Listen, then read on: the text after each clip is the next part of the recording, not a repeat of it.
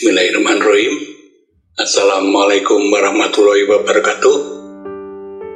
Halo, sahabat literas Sinta. Perkenalkan, saya Darmanto Rajab, asal kota Malang, yang pada kesempatan ini akan membacakan puisi-puisi karya Pak Sapardi Djoko Damono, yaitu catatan masa kecil 1, 2, dan 3. Saya kenal karya-karya Pak Sapardi Djoko Damono ini mulai SMA. Tepatnya ketika ada pesta baca puisi di sekolah. Saat itu dengan bangganya saya membacakan puisi saja orang gila karya Pak Sapardi tahun 61. Selanjutnya saat di kampus, saya pernah didaulat untuk mewakili fakultas mengikuti festival baca puisi dan saya merebut juara pertama. Saat itu salah satu puisi pilihan yang saya bacakan adalah puisi Siarah karya Pak Sapardi Djoko Damono yang rendah dan penuh permenungan itu. Puisi yang paling saya sukai adalah puisi berjalan ke barat sewaktu pagi hari yang damai dan menolak peperangan. Akhirnya, selamat jalan Pak Sabardi. Karya-karyamu insya Allah akan abadi di bumi ini. Program ini diselenggarakan oleh Literas Sinta Abdurrahman Wahid Center for Peace and Humanities Universitas Indonesia. Catatan masa kecil satu. Menjenguk ke dalam sumur mati itu dan tampak garis-garis patah dan berkas-berkas warna perak dan kristal-kristal hitam yang pernah disaksikannya ketika ia sakit dan menggigau dan memanggil-manggil ibunya. Mereka bilang ada ular menjaga di dasarnya. Ia melemparkan batu ke dalam sumur mati itu dan mendengar suara yang pernah dikenalnya lama sebelum ia mendengar tangisnya sendiri yang pertama kali. Mereka bilang sumur mati itu tak pernah keluar airnya.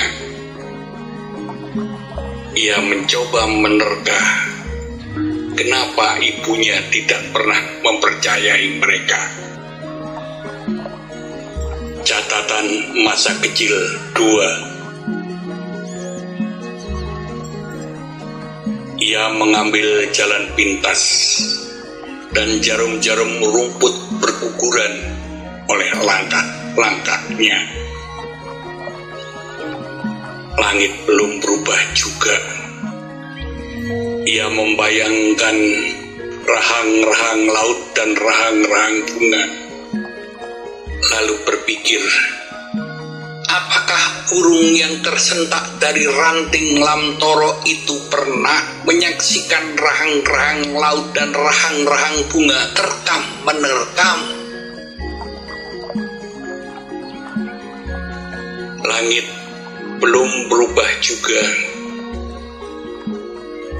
Angin begitu ringan dan bisa meluncur ke mana pun dan bisa menggoda laut sehabis menggoda bunga. Tetapi ia bukan angin dan ia kesal lalu menyepak sebutir kerikil. Ada yang terpekik di balik semak. Ia tak mendengarnya. Ada yang terpekik di balik semak dan gemahnya menyentuh sekuntum bunga lalu tersangkut pada angin dan terbawa sampai ke laut tetapi ia tak mendengarnya dan ia membayangkan rahang-rahang langit kalau hari hampir hujan. Ia sampai di tanggul sungai, tapi mereka yang berjanji menemuinya ternyata tidak ada. Langit sudah berubah. Ia memperhatikan ekor Sri Kunting yang senantiasa bergerak dan mereka yang berjanji mengajaknya ke seberang sungai belum juga tiba. Lalu menyaksikan butir-butir hujan mulai jatuh ke air dan ia memperhatikan lingkaran-lingkaran itu melebar dan ia membayangkan mereka tiba-tiba mengepungnya dan melemparkannya ke air. Ada yang memperhatikannya dari seberang sungai, tapi ia tak melihatnya. Ada catatan masa kecil tiga. Ia turun dari ranjang, lalu bersijingkat dan membuka jendela, lalu menatap bintang-bintang seraya bertanya-tanya apa gerangan yang di luar semesta.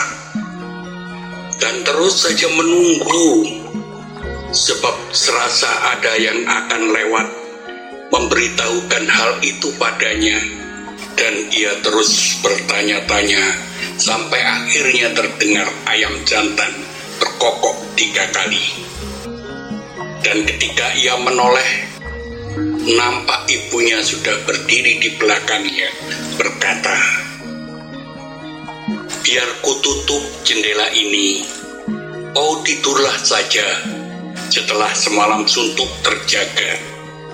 Sedang udara malam, jahat sekali perangainya.